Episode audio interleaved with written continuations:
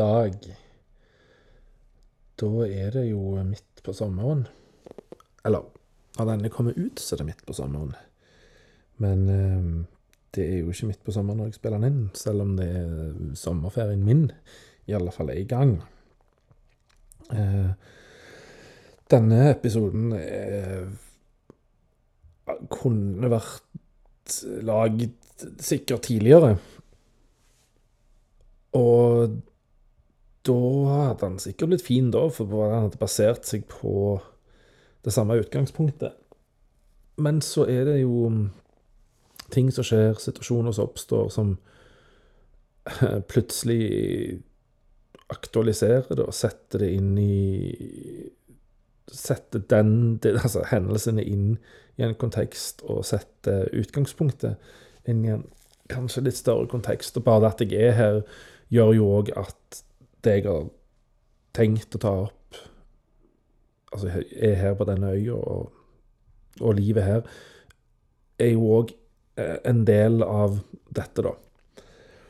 Utgangspunktet var jo Det første utgangspunktet, det var jo at jeg bestemte meg for å gjøre en podkast alene. Og måtte jo ha et navn. Og da var jeg i kontakt med to personer. Og ut fra det da, så oppsto det et navn. Og så begynte jeg å snakke litt mer med den ene av de to, da. Om konseptet for podkasten. Uh, der den, denne personen da sa Spennende tema for en sånn podkast kan jo være fri vilje. Har vi virkelig fri vilje, eller er vi forutbestemt med tanke på biologi og med gener og de? Lykke syns jeg er spennende. Hva gjør oss egentlig lykkelige? Sånt er det jo gjort mye forskning på. En kan bli ganske overraska der. Så tar jeg ikke de to siste setningene der. Og så spurte jeg i retur, da. Hva gjør deg lykkelig? Å være til stede i nuet. Legge merke til hva du driver med akkurat nå, istedenfor å stresse med alt som skal skje. Klare å sette pris på de små tingene i livet, i tillegg til de store. Ikke blande seg for mye opp i andre sitt drama, men være mest opptatt av seg og sitt. Ikke dvele for mye med feil en har begått, men lær av det og se framover. Lære nye ting, kjenne på mestring. Ha positive vaner som gir deg noe uten at det blir overkill. Sitat slutt. Um, der er det jo mye å gripe fatt i, da. Um, og så skal jeg prøve da Dette er jo sylferskt, hvis det er et ord. Iallfall kjempeferskt nå for meg, dette her. Um, så ser jeg at det er skrevet fortut, fortubestemte, og det var jo et kult ord. Jeg tror det var fortutbestemte. Hadde vært enda løgnere. OK. Uh, å være til stede i nuet det er lykke, OK? Det kan jo være vanskelig å forstå, kanskje, men uh, Jeg tror kanskje, hvis jeg skal prøve å forstå det å være til stede i nuet på en eller annen måte, så Kanskje det handler om å bli klar over øyeblikket. Der du har et et øyeblikk der du verken skuer bakover eller framover. For du er jo alltid i et øyeblikk. Men de fleste øyeblikk vi har, skuer vi gjerne enten framover eller bakover. Enten er vi nostalgiske, eller så er vi drømmende. Drømmene våre, altså tanker om framtida, kan jo skape angst mens tanker om fortid, altså nostalgien, kan gjøre oss deprimerte fordi at vi gjerne ikke har det nå som vi skulle ha hatt, og framtida Jeg vet ikke hva den bringer, og så får jeg angst av den. Men hvis du er i øyeblikket, da, så og, og har et sånn øyeblikk med lykke, så kan det jo være at du sitter i en sånn balansert situasjon der du Når du har balanse, så er vel ting litt avklart. akkurat nå så er ting avklart. Akkurat nå så kjenner jeg på en lykke fordi jeg ikke ser framover ikke ser bakover. Jeg bare klarer å kjenne at å, dette var fint. Så det tror jeg der, der er noe i, når en klarer å kle av noen skall på, på den løken som handler om, å, eh, om hva er lykke og hva som gjør deg lykkelig, og dette her med å være til stede i nuet. Det å være på andre sida av en person som er veldig i nuet når en snakker med dem, det kan òg føles veldig intenst fordi at de har fokuset kun på deg, så det kan føles veldig overveldende. Um, og da ser jeg gjerne meg sjøl òg litt i i sånn utenforperspektiv at jeg kan ha veldig, veldig fokus um, på en person, sitte i samtale med den personen, og alt annet er bare filtrert vekk. Det er bare static noise, for å si det på god nynorsk. Um, da er jeg veldig til stede, men det kan jo bli intenst for den andre som gjerne ikke er like i nuet, som gjerne sitter i andre tanker om enten kort eller lang fortid, kort eller lang framtid. Uh, og, og, da føles det veldig intenst når noen er der akkurat nå, og bare er der med deg. Uh, men de får ikke på lykke og lykkelig, kanskje. Jo, de er forskjellige ordklasser. Lykke må jo Jeg tror det er lett å avspore lykke til å, at vi skal begynne å snakke om konkrete situasjoner, fordi det kan være at akkurat der og da så var det en konkret situasjon som gjorde deg lykkelig men den er så kort at du blir ikke Det er ikke nødvendigvis lykke du opplever. Sånn hva er lykke, da? Jo, det er å leve i en tilstand av lykke. Hva kjennetegner den?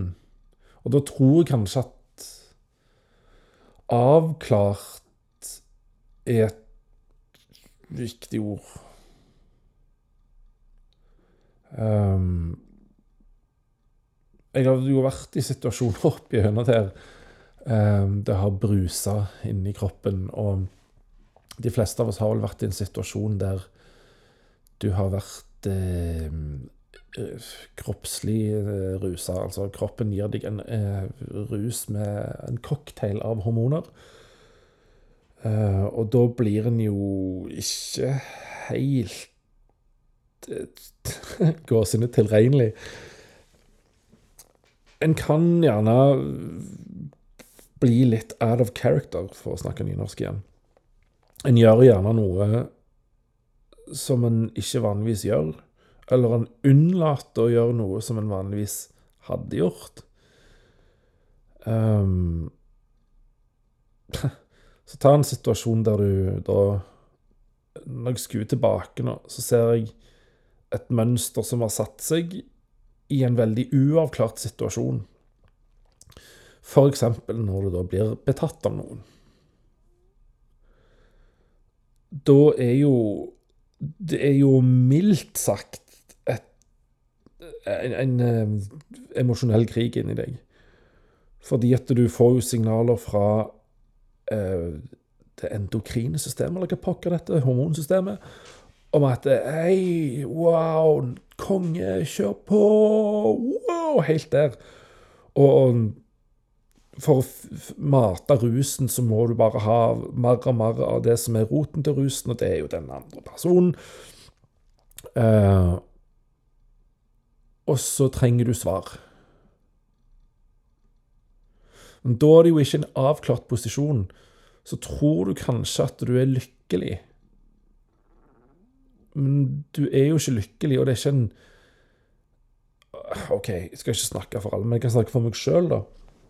At der og da så er du ikke i nuet fordi du jakter noe som ligger foran deg. Du jakter påfyll av rus, og du jakter en person som ikke er der i øyeblikket. Du jakter svar du ikke har, sånn, så du er ikke i nuet. Du er ikke en avklart, balansert situasjon der du verken tenker framtida eller fortida. Jeg vet ikke om baktida der. Um, og da er du ikke lykkelig ut fra tanken om at det er å være i nuet. Men du er jo Altså, siden det heller ikke er avklart, så er det jo ikke en tilstand av lykke. Men du tror det er fordi du får denne rusen, da. Du blir lurt. Du blir lurt av hormonene dine. Det du trenger, da, det er jo en avklaring fra den personen som du bruker hele, hele kroppen bruker all sin energi på. Og da kan du jo bli irrasjonell. Så i stedet for å gjøre det du vet er riktig, så går du til en lett utvei som jeg tenker her kan jeg miste for mye, jeg gjør ingenting. Men da må du fortsette å leve i en uavklart tilstand, altså en ikke-lykketilstand. Så jeg vil iallfall si da Hvis dette makes sense på en eller annen måte, så vil jeg si at eh, For å begynne med den første setningen, når jeg da fulgte opp med hva gjør deg lykkelig til denne personen som spilte inn til meg noe å ta opp i podkasten. Um, å være til stede i nuet. Så har i alle fall det nå fått en annen et annet svang, fordi at du er faktisk ikke i nuet når du har den der ekstreme forelskelsesrusen. Og Grunnen til at jeg bruker det som eksempel, er fordi jeg vil tro at de fleste har vært borti det. Ellers så kan det bli et veldig sånn personlig, nesten privat eksempel. Men jeg, når jeg ser opp igjennom hvordan jeg har opplevd å være i en sånn situasjon, en situasjon med forelskelse, så ser jeg at det der har ikke vært mye lykke. Det har jo vært alt annet, og jeg har bygd opp under det ved å unngå avklaringen. Altså ved å unngå å søke lykken.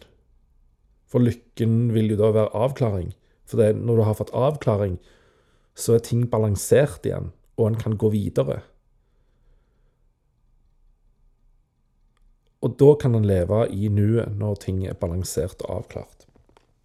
OK.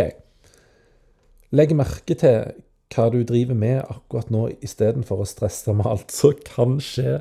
Ja, ja Trenger en å si mer? Det, det, er jo bare en oppsummering av det jeg nettopp har snakka om. Eh, sånn, hva pokker er det jeg holder på med? Hvorfor gjør jeg dette? Jeg vet jo hva som er fornuftig å gjøre. La meg gjøre det. Og ikke stress med alt som skal skje, altså framtida. Ikke heng deg så mye opp i framtida. Bare tenk på hva, hva gjør jeg nå? Og hva bør jeg gjøre? Sånn innerst inne, jeg vet hva jeg bør gjøre. Gjør det. Ikke stress med hva du skal gjøre. Kunne ha gjort alt det der. Kunne ha gjort fortida. Skal gjøre framtida. Hva gjør jeg? Gjør jeg noe med dette, eller sitter jeg bare og trykker hodet mitt ned i helheimen? det var setning to. Setning tre. Klare å sette pris på de små tingene i livet, i tillegg til de store. Ja, det tar jo en litt annen retning igjen. Um, små øyeblikk kan noe, kan noe bli for smått, egentlig. Jeg, jeg syns det er nydelig når det går en, en fjelltur, eh, sånn som oppe Lovenfjellet her. Så gikk jeg jo den turen første gang, og eneste til nå, iallfall per innspillende stund, um, når det begynte å blomstre. Og så er det så bratt der, eh, og du kommer jo så, så tett på naturen, at der vokste det gjerne noen plante, en liten plante på en, en veldig sånn enslig plass. Og det å nesten se rett på den mens du holder på å slite deg opp den sinnssyke bakken Det øyeblikket der når du tenker at ja, ja, her står du, og her står jeg vi møttes i dette øyeblikket. Ja, nå høres det litt sånn syretrippet ut, men jeg har aldri rørt de greiene. Og litt soppet ut. Nei, jeg har aldri rørt de greiene. Men bare det å se den planten vokse akkurat der, på den mest søkte plassen Se skjønnheten i det. Um, det er gjerne ikke et stort øyeblikk uh, en plass heter Hestvika her. Det er ikke så mange lokale som går der nødvendigvis, for dette, du, du, må jobbe litt for å komme dit. Du må gå en liten tur langs, uh, langs Svabergen og litt sånn. Når du kommer der, så er det jo superfint. Så gikk jeg der for uh, ja, en snau uke siden. Og bestemte meg for at jeg skulle uti og under med hele legemet, der Norskehavet står rett inn. Eh, så det er liksom på den, den sida av øya som peker rett ut i Norskehavet. Uh, og så kommer det da liksom fra, fra, vest mot øst, så slår Norskehavet inn. Så det er jo ikke akkurat eh, badebassengtemperatur. Så her nede på Hvalplassen, eller Hvalen, eller hva det heter, der har de jo sperra av et lite område i, i Vika, sånn at temperaturen holder seg ganske jevn. Uh, det er han jo ikke der ute i Hestvika. Men OK, poenget Når jeg da går uti sjøen der, så kan du si at det er et stort øyeblikk, men egentlig ikke. For det, det, det er kjempelite. Å gå og være den ene personen på en bortglemt, bortgjemt liten plass på ei knøttlita øy. Ingen vet om det, ingen bryr seg egentlig. Bare meg. Det er kjempelite øyeblikk. Men den gleden, hvor stort det øyeblikket var for meg det er sant, å finne eh, Altså sette pris på. Finne gleden i og lykken i lykken i de små tingene i livet. For du trenger ikke søke de store. De, de skjer ofte av seg sjøl. Men da har han gjerne jobba for dem, så blir de ikke så store, for du vet at de gjerne kommer. Men de små øyeblikkene blir ofte de store. Så ja, prøv heller å jeg, tror mange av oss ikke er gode nok til å se de aller, aller minste tingene, for vi tar de sånn for gitt. Det er jo en selvfølge at sånn og sånn Nei, det er ikke det. Det er nok av de som ikke kan gjøre det, som ikke har muligheten til å gjøre det du gjør akkurat nå, være der du er akkurat nå. Det er de som ikke har så mye anledning til å slappe av i livet. Det er ikke en selvfølge å slappe av. Det er ikke en selvfølge å ha en jobb. Spør noen som har vært i ei trafikkulykke og blitt kvesta, om det er en selvfølge for dem å gå en tur, eller selvfølge for dem å um, gå på en utendørsrestaurant og ta seg i øl og ta seg noe mat. Hansen nyrende Stavanger, der kan det umulig være lett å, å være eksempelvis rullestolbruker. Så det er ikke en selvfølge. Tenk alle de som må gå, gå, gjennom mange steg for å tenke hvordan skal jeg gjøre den tingen i kveld? Jeg har blitt invitert der. Tenk alt jeg må gjøre nå på mandag for å klare det på fredag. For deg er det en selvfølge. Du trenger ikke tenke på det for fredag ettermiddag, en time før du skal være på plass der. Ja, OK, de små tingene. Men ikke ta det for gitt. Eh, neste setning var ikke bland deg for mye opp i andre sitt drama men vær mest opptatt av seg og sitt. Den siste delen gjør det jo lett å tenke jo, men da, da er du jo en egoist når du er mest opptatt av deg og ditt. Så du må jo bry deg om andre. Ja, ja, OK, så du skal gå og ta alle små kors og legge dem på din rygg, eh, og eh, redde alle andres verden. Og når surstoffmaska detter ned, så skal du gi alle andre surstoff før du gir deg sjøl. Men da er du jo dum. Da, da er du jo en misforstått altruist. Du blir jo ikke et bra menneske av å drive selvutslettelse. Og det å legge seg opp i andre sitt drama, det er jo helt unødvendig. Det er jo bare fordi du OK, kan være en påstand jeg kommer med, men jeg snakker litt av egen erfaring òg, med meg sjøl. Når en da skal legge seg opp i andre sitt drama, så er det vel kanskje fordi du ikke makter eller har overskudd til å ta ditt eget. Og det trengs jo litt inspirasjon for å klare det. Så, så hvis du har overskudd, så klarer du ditt eget. Hvis du har inspirasjon, så klarer du ditt eget. Men du tror at du får inspirasjon og overskudd av å legge deg opp i andre sitt drama. Men du legger bare stein til byrden. Og så er det faktisk ikke din jobb å redde andres verden, for dette, din jobb er å redde din verden. Er den, din verden er alt det du sanser, eh, som du har muligheten til å sanse. Nå sitter jeg i den nye, nye kåken som jeg flytta inn i i går. Alt det jeg kan sanse nå, er min virkelige verden. Alt som ikke er innenfor rammen av det, det eksisterer ikke. Eller jo, det eksisterer, men det er ikke virkelig. Jeg må forestille meg det. Tanken på eh, alle de jeg kjenner som bor i Sandnes og Stavanger, den tanken er virkelig. Men de er ikke virkelige før jeg kanskje sanser dem.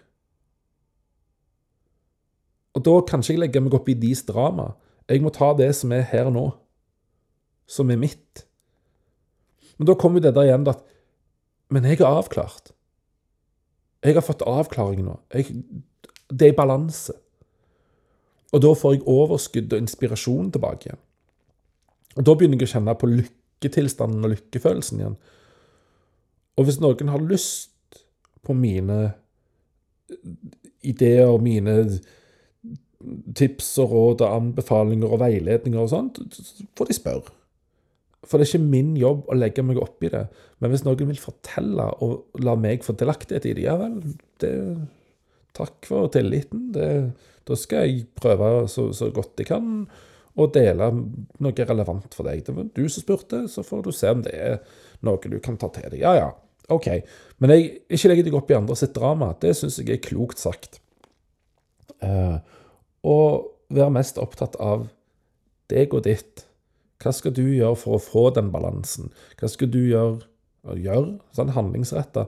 Hva skal du gjøre for å få balansen, for å bli avklart, sånn at du kan få overskudd inspirasjon til å fortsette å gjøre det beste for deg og ditt og, og dine?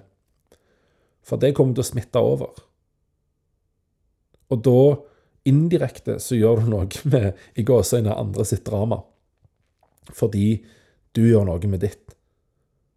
Så trenger iallfall ikke noen andre gå rundt og tenke på det.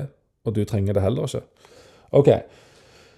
Eh, neste. Ikke dvel for mye ved feil en har begått, men lær av det og se framover. Å, herregud, det passer jo veldig godt på de siste dagene. Det var jo en eh, emosjonal eh, berg-og-dal-bane og helheim eh, for en Nå er det fredag. Og søndag til tirsdag ja, den, innenfor den siste uka det, Wow. Da var det mye dveling. Men ikke ved feil jeg hadde begått, men feil jeg kanskje kunne ha begått ut fra min egen vurdering. Altså ekstremt uavklart. Um, og feil kunne komme til å begå ut fra mitt eget perspektiv. Altså noe som ligger i framtida. Igjen kjempeuavklart. Med hodet langt oppi det. Og da begynte jeg å se på tidligere hendelser som ligner på dette. Hva da? Hva gjorde jeg da? Hva var det jeg egentlig ville gjøre den gang? Hva burde jeg ha gjort den gang? Kan jeg gjøre det nå? Hvordan skal jeg løse det best mulig uh, for å ivareta alle involverte sine interesser? Uh, og så ble det en fin løsning på det, da. For hvis du dveler ved noe, så er det fordi det ikke er avklart. Og når noe ikke er avklart, så er det ikke balanse. Og da mangler du inspirasjon og du mangler overskudd. Og så blir du gående i sånn en selvforsterkende negativ spiral. Hvis du kan ta lærdom av feilen du har begått, og feil er jo det beste utgangspunktet for å lære så, så, Altså, ikke hvis du kan lære. Lær av feil du har begått, i stedet for å dvele med dem. For du kan ikke gå tilbake og rette på dem. Hadde vi bare kunnet det, så hadde det ikke vært noe problem. Men du kan rette på dem, fordi du får jo på ny en situasjon som ligner på dette. Syns du du valgte fornuftig og riktig sist gang? Hvis ja, keep on doing it. Hvis nei, hva har du tenkt å gjøre? Og hvis du ikke tør, så kommer du sannsynligvis til å havne tilbake igjen der du var, og gjenta feilen din. Da lærte du ikke. Da ser du ikke framover. Eller det var vel framover vi gjerne ikke skulle se. Du skulle se akkurat nå. Hva kan jeg gjøre akkurat nå for at det neste sekundet skal bli bedre enn dette? Hva kan jeg gjøre akkurat nå for å ikke gjenta det jeg gjorde forrige gang jeg hadde noe lignende? Altså avklaring, balanse, for å skape overskudd, for å, skape, for å bli inspirert, alt det der, inspirasjon.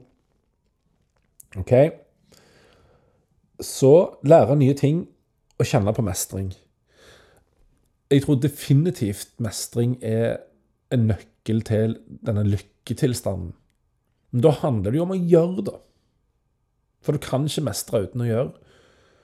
Og du får ikke den dopaminrusen som er så deilig, og, og for så vidt òg endorfinrus, men spesielt dopamin. Du får det ikke av å gjøre ting du allerede kan. Da repeterer du bare noe som allerede sitter der. Og mestring fordrer òg at du gjør noe litt nytt. Enten at du utvikler deg på det du allerede kan, sånn at du kan bruke det kjente på nye måter. Nå hører jeg at jeg begynner å snakke om kompetansebegrepet for læreplanen, eh, uten at jeg hadde planlagt det. Og så handler det òg om at du, du, klarer å bruke det du kan i altså, kjente og ukjente situasjoner, men òg utvikle ny, nye ferdigheter, altså ny kompetanse. Gjør noe nytt, gjør noe du ikke har gjort før. Så sa jeg til en person som betyr mye for meg, for noen dager siden at Skal vi henge sammen i morgen? Ja. Hva, sånn, hva skal vi finne på? Så sa jeg, vet du hva, si noe, du. Oi, magetroll.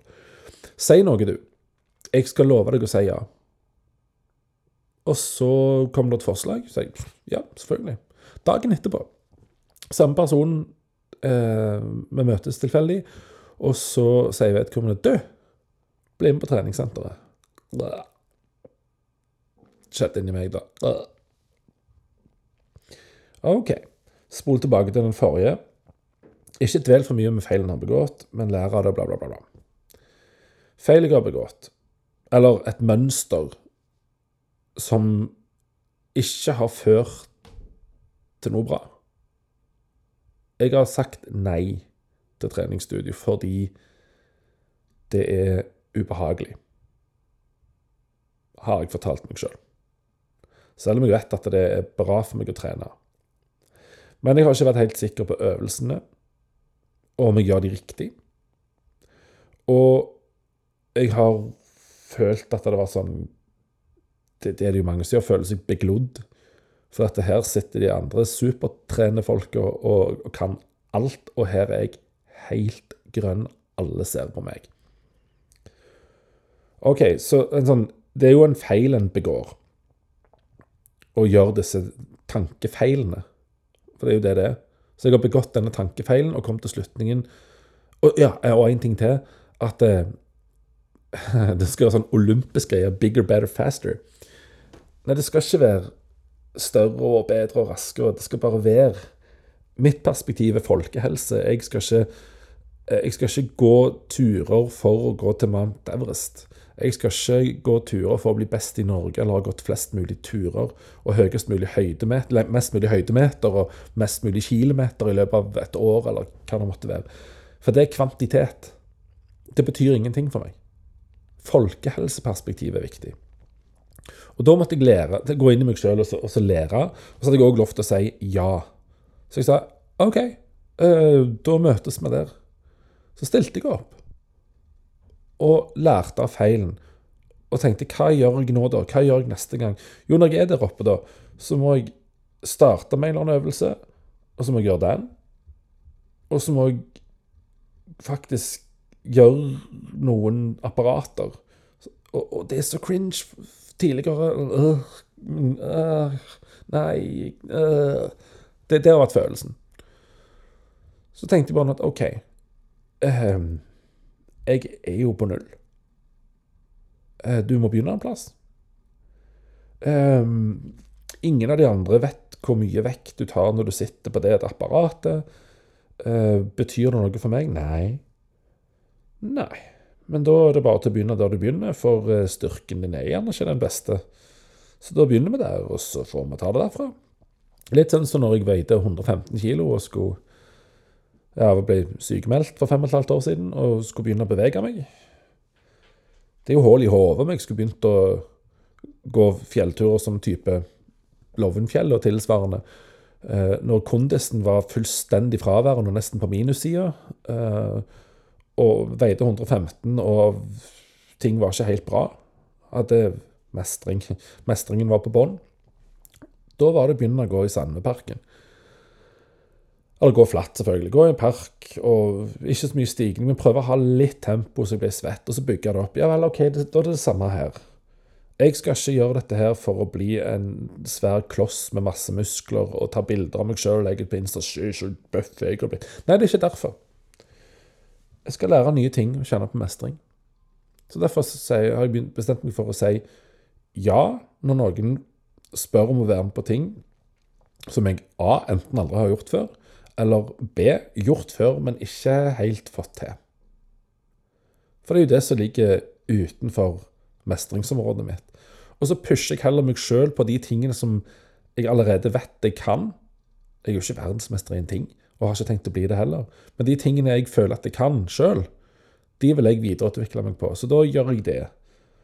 Så eh, blant annet så holder jeg på å jobbe med bok nummer to nå, som jeg har tenkt å egenfinansiere utgivelsen av. Og kommer sikkert tilbake til det.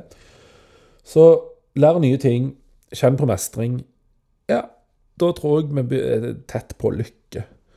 Og, og det kommer til å gi veldig mye overskudd. Du kan ikke få overskudd uten å bruke Jeg, jeg liker ikke å bruke overskudd for å snakke om lykke, for for meg er det sånn Det er et pengebegrep. Og penger for meg har veldig lite med lykke å gjøre. Bare bare du har nok penger til at du slipper eh, Bare du har nok penger til at du er i en avklart situasjon. Jeg trenger ikke ha et økt forbruk. Jeg har et forbruk som er helt greit, som, som er akkurat der det trenger å være. For jeg har gjennomgått sånn litt mild askese og sett hva kan jeg klare meg uten, hva kan jeg kvitte meg med, og fremdeles ha det greit. Så økonomisk avklart da den bekymringen ute. Jeg trenger ikke å tenke, se framover og bekymre meg. Jeg trenger ikke se bak og tenke uff, det var bedre da jeg skulle hatt det sånn. Nei, nei. Avklart. Så lev i en balansetilstand der. Uh, ja på, Tråden Hva for en tråd? Uten en tråd, Jens Bjørneboe. Uh, ja, så Mestring vil nok være nødvendig for ja, det var det. Selvfølgelig. Det var tråden. Du må Du må gjøre for å få overskudd. Eller overskudd er det jeg kaller for inspirasjon. For å få inspirasjon og motivasjon, som nok et bedre ord i denne sammenhengen, overskudd. Noen kaller det for energi, men alt som fins er energi. Du kan ikke ha dårlig og god energi. Eh, det, ah, det kan være at når du møter noen, så får du en dårlig vibe, du, dårlig stemning, dårlig energi, sier en. Nei, det er bare en negativ hormonell reaksjon inni deg. Hvis den er positiv, så opplever du såkalt overskudd. Du opplever såkalt god energi. Men det du opplever, er bare en hormonelt god reaksjon inni deg.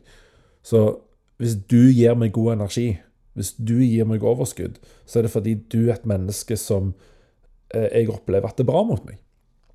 Du har gjerne evnen til å gi og dele. Du har eh, gjerne evnen til å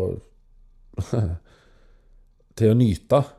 Altså øyeblikket. Du har evnen til å gjøre det. Og da kjenner jeg at ja, her er det fint å være. Og da blir en jo inspirert. Tenker sånn vil jeg òg være. Det vil jeg òg gjøre. Nå, nå, har jeg fått eh, en liten boost til å klare å gjøre noe sjøl. Så det er ikke det er ikke energi, det er bare en hormonell reaksjon på innsida. Som en reaksjon på den personen du er med i, og den situasjonen du er i, hele konteksten, gjør at du får en positiv reaksjon. Så for å få den inspirasjonen, for å få motivasjonen, så må du faktisk gjøre noe. For den, den kommer ikke til deg Og når du får en idé, da For no, noen får lett ideer. Jeg er en sånn som bare Å, det, det går det an å gjøre. Og så kan du da For du har ikke to valg, du har to alternativ. da har du to alternativ. Du kan velge å bare la den eh, ideen som plutselig oppsto, heldig som det er, at du klarer å la ideer oppstå, kan du velge alternativ med å la den passere. For at eh, ikke noe Nei vel. Eller du kan velge å ta den. Da gjør du noe med det. Og hvis du bare i en eller annen grad får til litt av det, og går litt den veien som ideen pekte på, så kjenner du på mestring. Og mestring gjør jo at du blir inspirert, og gjør at du blir motivert gjennom at du får dopamin, motivasjonshormonet vårt, som er så potent. Så blir du motivert for å prøve litt til. Ikke for å bli verdens beste, men bare for å prøve litt til. Nå begynner vi å snakke om at du er i en lykketilstand. For du blir revet med. Og så kan du si ja, det, jeg får sånn positiv energi av det. Nei, du får bare dopamin. Fordi du prøver. Og så får du det jo til. Sånn tålelig greit. Eller kanskje til og med litt bra, eller kanskje til og med bra. Kjempebra. Og kanskje du begynner å synes at dette var ikke så vanskelig. Kanskje du til og med synes at det begynner å bli litt lett etter bare noen få forsøk. Ja, du blir revet med. Og så får du superfokus på det du holder på med, og glemmer alt. Aha, nå er du til stede i øyeblikket. Du glemte ut det andre. Det kan du ta seinere. Du dveler ikke med det. Du er i en avklart, balansert situasjon. Sånn, nå hører at nå begynner ting å harmonere, ja. Så alt det som denne personen jeg snart skal avsløre hvem er, da, har sagt det nå, det henger sammen. Så nå var han på å lære nye ting og kjenne på mestring. Og så kommer den siste setningen. Ha positive vaner, uh -huh, det jeg nettopp snakka om, uh, som gir deg noe uten at det blir overkill. Altså, det skal gi deg noe. Det skal gi deg noe. Du trenger ikke gjøre det for noen andre enn deg sjøl. Når jeg går ned på øvingskjelleren her på, sentrum, på sentrumsgården I sentrumsgården Jeg vet da. Uansett. Når jeg går ned der og setter meg og spiller, så er det for ingen andre enn meg sjøl. Det er null overkill med det. Og det er, en, det er for så vidt en vane, men jeg har bare ikke strukturert det som en rutine. Og før så hadde jeg et problem med rutiner, for da tenkte jeg at livet blir kjedelig av rutine. Nei, nei, nei. Det blir forutsigbart, og det er fint. For da er du i en avklart, balansert situasjon. Men du må òg av og til klare å sette til side rutinen. For verden din verden går ikke til helvete av at du setter rutinen til side. For før du fikk rutinen, så gikk jo fremdeles ikke verden til helvete. Du bare hadde ikke rutinen. Så har du fått rutinen. Da kan du en, for en stakket stund sette rutinen til side og så gjøre noe annet som òg er positivt og bra. For det går mestring, avklart situasjon, balanse, inspirasjon, motivasjon, alt det der. Og så gå tilbake til rutinen. For det er ingen andre enn du bryr deg men du kan være med på å skape en positiv situasjon og være i nuet sammen med andre òg, og det vil være bra for deg. Alt det som denne personen har skrevet her, makes sense. Og det er en person jeg nå har kjent i Det er helt sinnssykt å tenke på. Over halve livet mitt. Han heter Ketil. Uh, og han kommer nok til, han kommer til å være gjest Eh, med, eh, der han skal ta opp noe meget interessant og kult um, etter hvert. Uh, og han var jo òg Nei, det skal jeg si seinere. Det, det, tar jeg når han kommer på besøk, ja. Uh, og så uh, dumper det jo inn en situasjon som jeg uh, skal prøve å rute litt Jeg har hatt mye nynorsk i dag.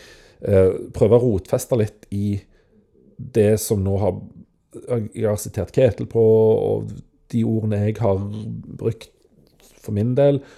Eh, og så til slutt å oppsummere med mine ord. Hva jeg vil liksom ha som punkter. Det, dette er lykketilstand. Eh, så, så så jeg ei overskrift eh, på Stavanger Aftenblad som jeg måtte bare trykke meg litt inn på. Her står det Sjalu mann avbestilte ekskjærestens sydenferie. I retten sa 37-åringen seg enig i at det var en idiotisk ting å gjøre. Da han likevel kansellerte billettene til ekskjæresten og hennes tre barn, var det fordi han ville ha henne tilbake. Det var jo en jævlig god søknad å legge inn for å få dem tilbake igjen. For det var sympatisk gjort. Ja vel. Levde han i uh, nuet? Nei. Jeg gjorde ikke det. Eh, for da levde han i en situasjon i framtida som han ville ha, og han drømte seg tilbake til en situasjon i fortida som han ville ha. Og at det, det, det som han hadde i fortida, skal òg bli i framtida. Så han var ikke i en balansert, avklart situasjon. Han var i en situasjon han åpenbart ikke mestra. Um, og han la ikke merke til hva han driver med, for han stresser med alt som kan skje. Han klarte ikke, åpenbart vil jeg tro, vil jeg si da, han klarte ikke å sette pris på de små tingene i livet. Han evna ikke å nyte øyeblikket han var i. Han evna ikke å gi og dele. Ja, det var kjøleskapet sitt, det. Jeg vet ikke om dere hører det, men OK. Eh, så nei, han var ikke i balanse. Han uh, mestra situasjonen og følelsene sine rather bad. Han var ikke i en avklart situasjon, som sagt. Evna ikke å nyte og gi og dele. Ikke særlig inspirert annet enn, annet enn til å ødelegge og være drit. Uh, jo da, han hadde kanskje overskudd, men ikke til å gjøre noe godt. Um, kanskje han har trodd at han får overskudd, altså denne inspirasjonen og motivasjonen, gjennom å gjøre denne handlingen, fordi det får han jo til. Og så har han da hatt en tanke om framtiden at dette gir meg for å bruke et annet økonomisk ord, dette gir meg positiv avkastning. Så han har jo ikke vært helt i vater. Eh, han har eh, Har han egentlig blant seg oppi noen andre sitt drama. Ja, han har egentlig det. For det er nok Det føles kanskje som drama for hun ekskjæresten òg, som skal på ferie med de tre ungene, og hun har sitt liv. Og så skal han legge seg opp i det og lage et drama. Han legger seg jo OK, det Ketil sa da Hei, hei, Ketil. Eh, ikke blande seg for mye opp i andre sitt drama. Omformuler det til ikke legg deg for mye opp i andre sine liv. Kanskje det er bedre, men vær mest opptatt av ditt eget. Ja Her kom det i ubalanse igjen.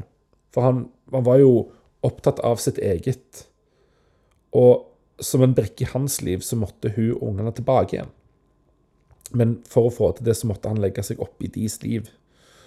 Så da levde han ikke i tråd med denne setningen til Ketil. Uh, han uh, Ikke dvel for mye med feil du har begått. Uh, need I say more? På nynorsk igjen. Men lær av det og se framover. Han har ikke lært. Og så har han trodd han har sett framover, men han har egentlig bare sett bakover. For han har sagt til fortida han vil ha det sånn, og så har han tenkt at det er det jeg vil ha i framtida. Nei, jeg tror ikke det. Jeg tror du vil ha en avklart situasjon. Mm -hmm. Lær nye ting og kjenn på mestring. Han har ikke lært noe nytt, i alle fall.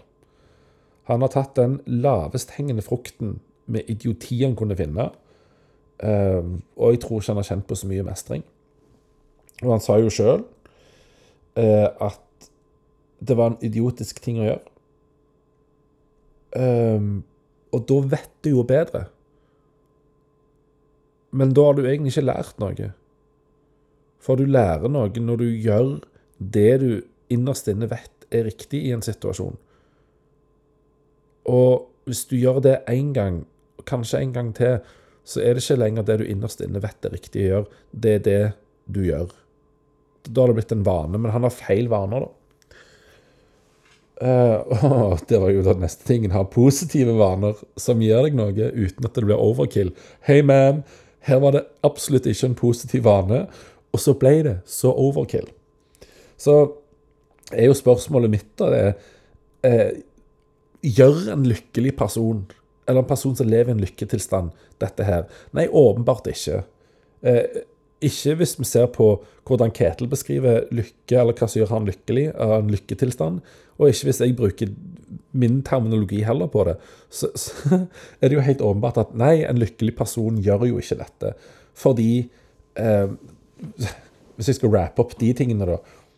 Overskudd, mestring, balanse, avklart, eh, inspirert, evnen til å nyte og evnen til å gi og dele ingen av de punktene. Altså, overskudd er jo et ord som mm, Jeg liker det ikke. Det handler jo om bare om inspirasjon og motivasjon. Jo, han hadde jo en slags motivasjon, men det var Det var jo et særdeles egoistisk og lite hensynstagende eh, motiv han hadde, da. Et, eh, ikke hevnmotiv, men bare jeg, helt fullstendig egosentrert motiv. Så som jeg sier, da, overskudd Ja, det hadde han nok, men ikke til å gjøre noe godt. Det kom intensjon bak det. Men jeg, jeg kjente iallfall i dag på det. Mens jeg satt og venta på han som eh, skulle få tilbake nøkkelen for det huset jeg har leid i en halvannen måned. Så slo det meg at akkurat her og nå så skal jeg altså Jeg har hatt utvask på det huset i dag. Uten at det var avtalt at jeg skulle det, men jeg gjorde det. Og så flytta jeg i går. Flytta inn i går. Rydda. Hadde eh, en annen særdeles positiv opplevelse i går, der jeg tørde å bryte et mønster, og så ble det bare positivt av det.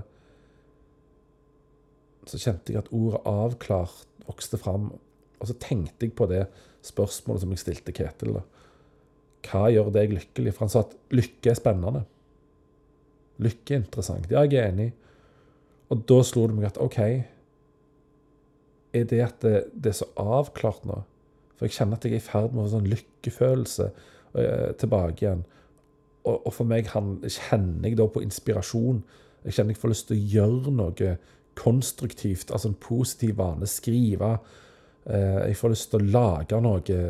Eh, mat eller musikk eller et eller annet. Jeg har lyst til å gjøre det konstruktivt. Eh, gå en tur, sette meg ned og se på, på utsikten og bare slappe av. Et eller annet som er sånn bejaende på en eller annen måte. Fordi ting er avklart. For da er det ingenting å dvele med. Og det er ingen, ingenting drama å legge seg opp i. Og det har jeg ikke lyst til heller. Men jeg har heller ikke noe som trengs å gjøres noe med nå. Så jeg kan bare puste og være i dette øyeblikket. Et balansert øyeblikk. Fra det ene øyeblikket til det neste, til det neste, til det neste, og kjenne Jeg trenger ikke tenke på framtida, for den er avklart. Jeg trenger ikke tenke på fortida, for den er avklart. Kjenner jeg da lykke. Akkurat i nuet så kjenner jeg på en lykketilstand. Og om den forsvinner, ja vel, så gjør han det. Men da kan han komme tilbake igjen, fordi jeg prøver jo å lære av feilene. Prøver å si ja, sånn at jeg kan mestre alt det der. For da vet jeg at lykkefølelsen kan komme tilbake igjen bare ved å avklare ting. Så Wow. Takk, Ketil, fordi du sa at lykke er interessant, og for at du svarte som du gjorde på spørsmålet om hva gjør deg lykkelig. Dæven, så bra du svarte. Og jeg, før jeg avslutter Oi, må ikke dunke borti mikken. Før jeg avslutter, så skal jeg gjenlese det jeg begynte episoden med. Um, og så had, var det noe jeg fant ut jeg skulle si, men så glemte jeg det. Men det handler bare om egentlig dette med avklaring. Men OK, så mista jeg den tråden. Men det, det er nå lov. Um, men igjen, da. Det Det Ketil skrev Og tusen takk, Ketil igjen. Spennende tema for en sånn podkast, altså perspektiv, som han tenkte sånn perspektiv på ting, tanketid. For en sånn podkast kan frivillig være interessant. Og det kan jo avledes fra det jeg har snakket om nå, til eh, din mulighet til å være med å skape din egen lykke. Så ja, spennende tema for en sånn podkast kan det være frivillige. Har vi virkelig fri vilje, eller er vi forutbestemt med tanke på biologi og med gener og de? Og så lykke syns jeg er spennende. Hva gjør oss egentlig lykkelige? Sånt er det jo gjort mye forskning på. En kan bli ganske overraska der. De to setningene jeg ikke sa, var relasjoner til andre mennesker er gøy. Hva gjør en relasjon meningsfull, og hvordan bygger du sunne relasjoner? Det har jeg for så vidt vært inne på tidligere med, med ideer rundt det. Det kan òg selvfølgelig knyttes opp mot lykke, og forvaltning av relasjoner eh, kan være med å bygge opp under en lykketilstand. Så ja, eh, spennende. Hva gjør oss egentlig lykkelige? Gjort mye forskning på, og en kan bli overraska der. Og umiddelbart så stilte jeg da spørsmålet Ja vel, men hva gjør deg lykkelig? Bare for å ha et utgangspunkt. Og da eh, vet jeg ikke hvor mange setninger det er, men istedenfor ti bud, så tell hvor mange setninger det er, så kan du si her er Ketels bud for hvordan bli lykkelig. Og det går vi ut med. Så takk for nå. Ha en fin dag, og gjør dette kolon. Å være til stede i nuet.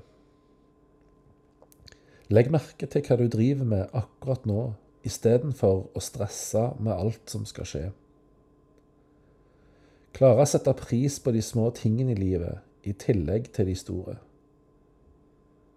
Ikke blande seg for mye opp i andre sitt drama, men vær mest opptatt av seg og sitt. Ikke dvele for mye ved feilen har begått, men lær av det, og se framover. Lære nye ting og kjenne på mestring. Ha positive vaner som gir deg noe, uten at det blir overkill.